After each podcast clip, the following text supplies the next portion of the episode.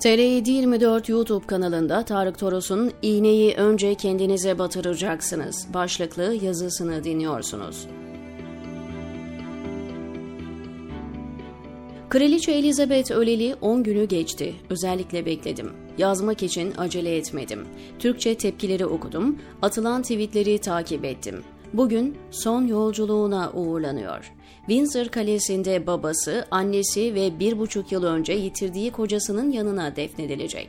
Elizabeth, Birinci Dünya Savaşı'nın sonlarında isim değiştiren Windsor sülalesini onca skandala rağmen tahkim eden bir lider oldu. Fakat Birleşik Krallık 1918'den itibaren eski ihtişamını kaybettiği gibi bir asrı geçen zaman zarfında erimeyi hiçbir hükümdar ya da hükümet tersine çeviremedi. Elizabeth'in iki motivasyonu oldu. Ülkeyi ve aileyi bir arada tutmak. Güçlü bir vatanseverdi, kuşku yok. Her şeyi de bunun için yaptı. İster Saksonları, ister Normanları baz alın. Kraliyet ailesi geriye doğru bin yıldır teknik olarak ülkenin sahibi ailenin gözü tok olmasının, görgüsüzlüğe müsamaha edilmemesinin başlıca nedeni bu. 1952'de Kral George, İkinci Dünya Savaşı'nın stresi ve sigara tiryakiliğinin sonucu olarak 55 yaşında ölünce 25 yaşındaki kızı Elizabeth tahta çıktı. Bu herkes için erken bir değişiklikti. O gün hükmettiği ülke sayısı 30'un üzerindeyken vefat ettiği gün sayı 14'e düşmüştü. Çoğu küçük ada devletçikleri. En son Barbados bağımsızlığına kavuştu. Sırada Jamaika var.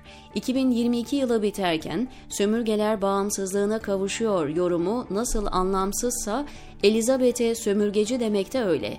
Ataları öyleydi ve fakat İngiltere'de köleliğin 1834'te kaldırıldığını hatırlatalım. ABD'de Abraham Lincoln bunu 30 yıl sonra yapacak ve canına mal olacaktı.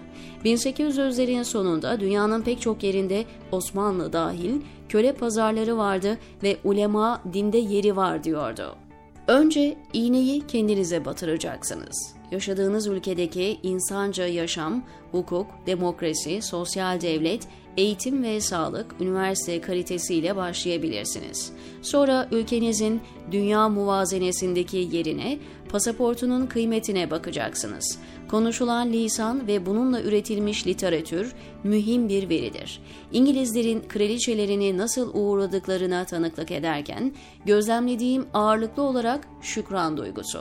Değilse kilometrelerce uzayan ve naaşı selamlamak için 14 saatten önce sıra gelmeyen kuyruğu nasıl izah edeceksiniz?'' 7. yıl bu ülkede yaşıyorum.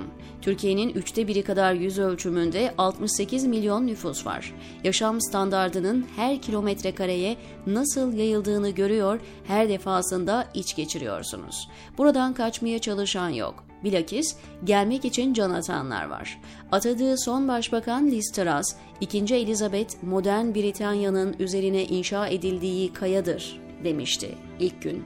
Yabana atılacak bir tarif değil bu. Hüküm sürdüğü 70 yıl içinde Türkiye'de ikisi muhtıra, iki darbe yaşandı. İğneyi önce kendinize batıracaksınız.